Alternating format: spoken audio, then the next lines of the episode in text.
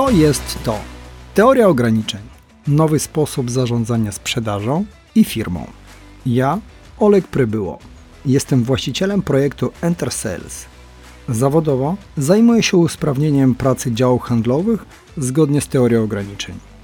Na co dzień pracujemy z dyrektorami sprzedaży, zarządami, szkolimy handlowców i usprawniamy procesy. Dzień dobry. W dzisiejszym podcaście zajmiemy się rozwojem ludzi z działu handlowego, czyli można powiedzieć Salesforces. No nie ukrywam, jest to jeden z moich ulubionych tematów, w którym czuję się dobrze, staram się to robić często i też na co dzień pracuję z zespołami sprzedażowymi.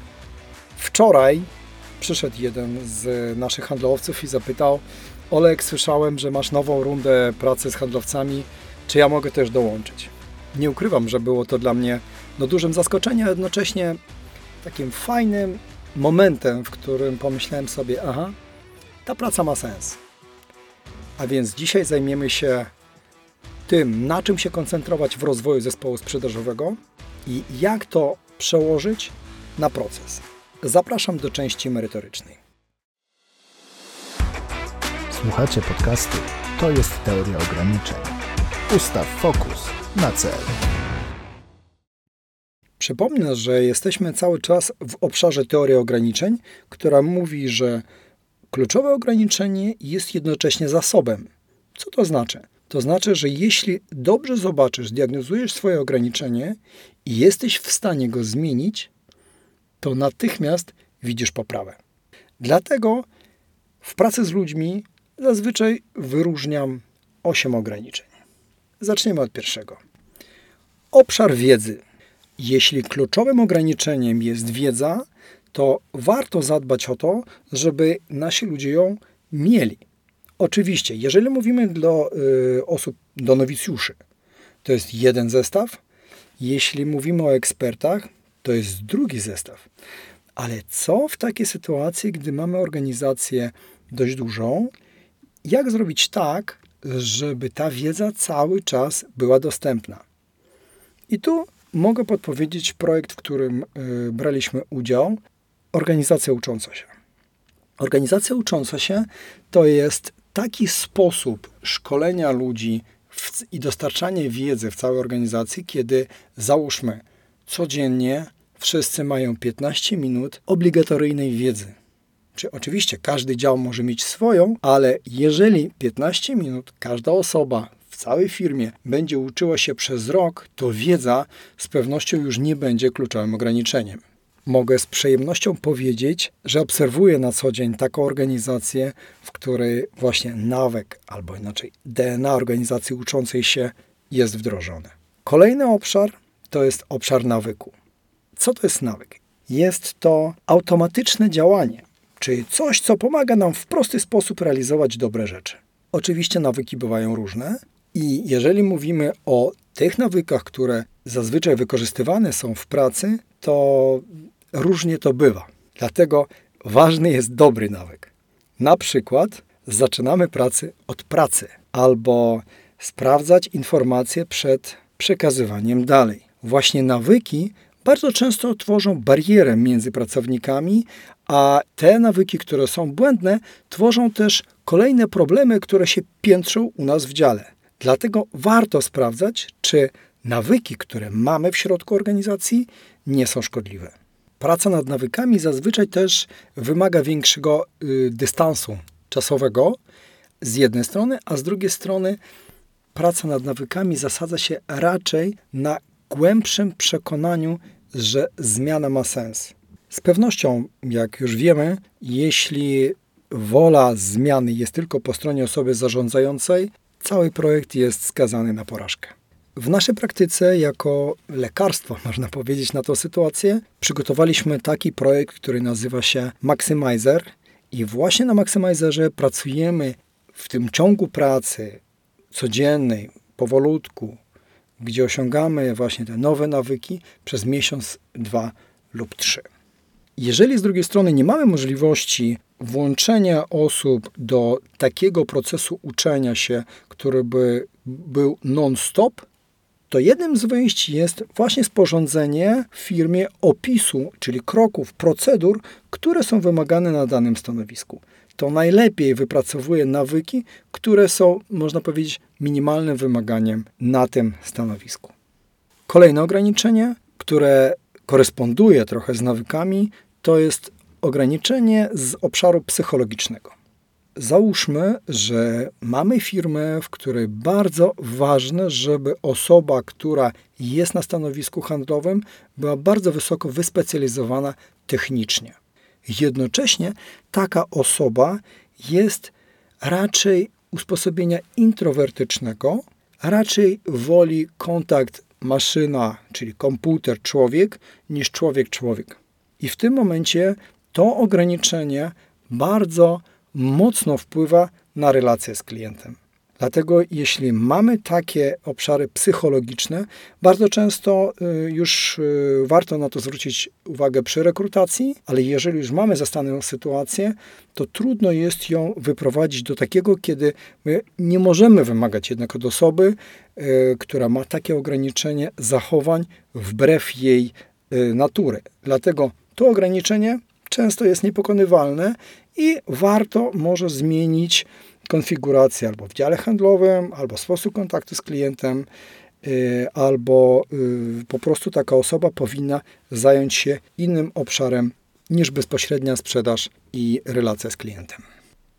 Kolejny obszar ograniczający to jest obszar zasobów. Każda osoba ma zasoby fizyczne, na przykład możliwości, głos, siłę, czas lub intelektualne, zdolności do szybkiego uczenia się lub umiejętności komunikacji. Przykładem takiej sytuacji może być osoba, która pracuje w kilku projektach, czyli załóżmy ma w jednej pracy pracuje na stałe, a drugą traktuje jako dodatkową.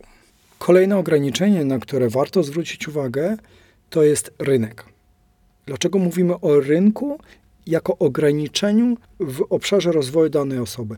Otóż rozumienie, na jakim rynku działamy, jest kluczowym elementem nie tylko rozumienia, jak powinniśmy działać, a jednocześnie motywacji. Szkoląc pracowników, którzy obsługują klientów przy stanowisku, czy, często słyszymy, no tak, ale ten cross-selling to takie cały czas nagabywanie drugiego człowieka o y, zakup, no może być niemiłe.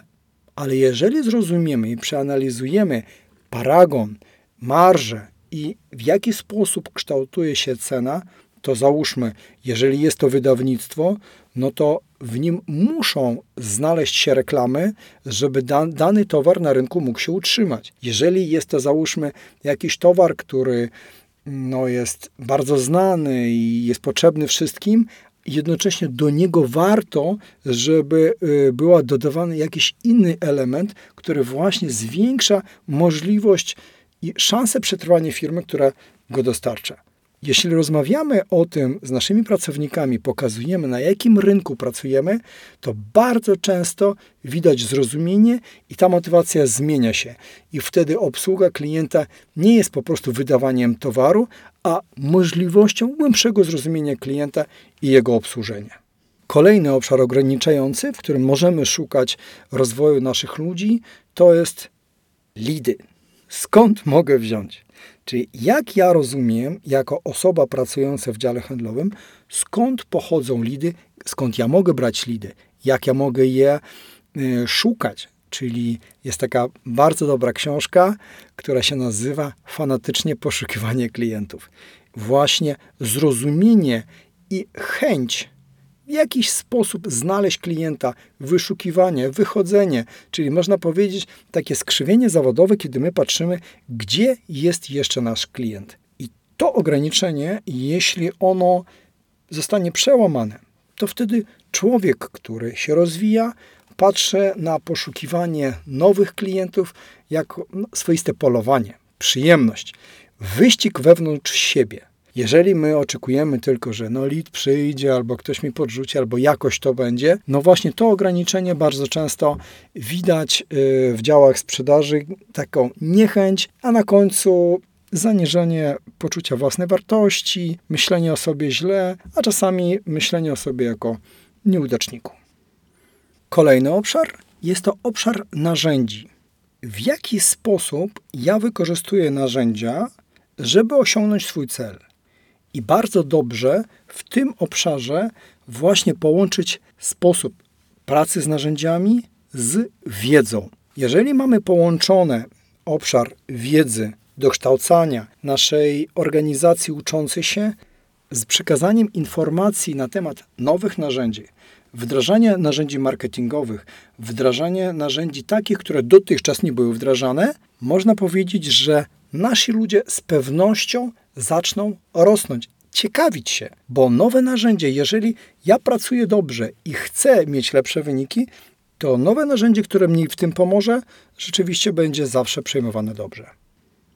I ostatni obszar, w którym warto szukać rozwoju naszych ludzi, to jest obszar zdrowego rozsądku i mądrości. Tak go nazywam.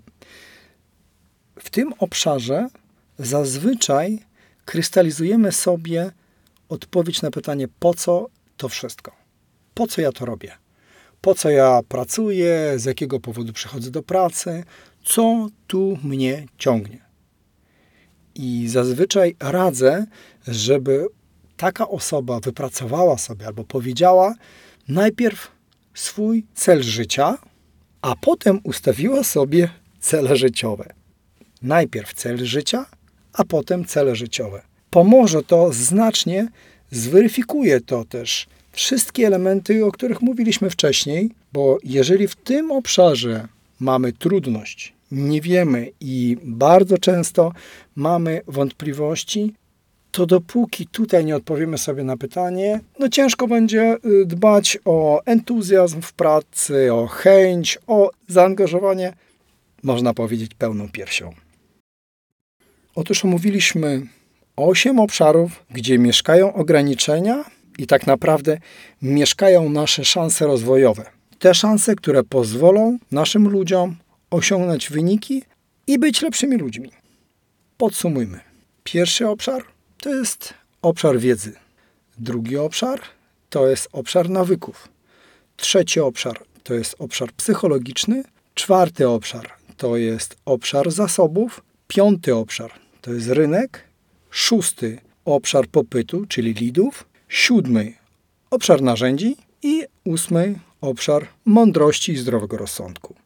Pamiętajmy, że w jednej jednostce czasu może być tylko jedno ograniczenie, więc zazwyczaj jest tak, że pracujemy tylko i wyłącznie na jednym obszarze, który powoli, powoli przechodzi w inny. I takim sposobem większość elementów jest jak w kółku. Przechodzimy i nasi ludzie wraz z nami rozwijają się. A to wszystko na dzisiaj. Bardzo serdecznie dziękuję, że jesteś z nami. Zapraszamy Ciebie na stronę www.entersales.pl, gdzie tą listę będziesz mógł pobrać w PDF-ie. Wszystkiego dobrego. Do usłyszenia. Słuchacie podcastu To jest teoria ograniczeń. Ustaw fokus na cel.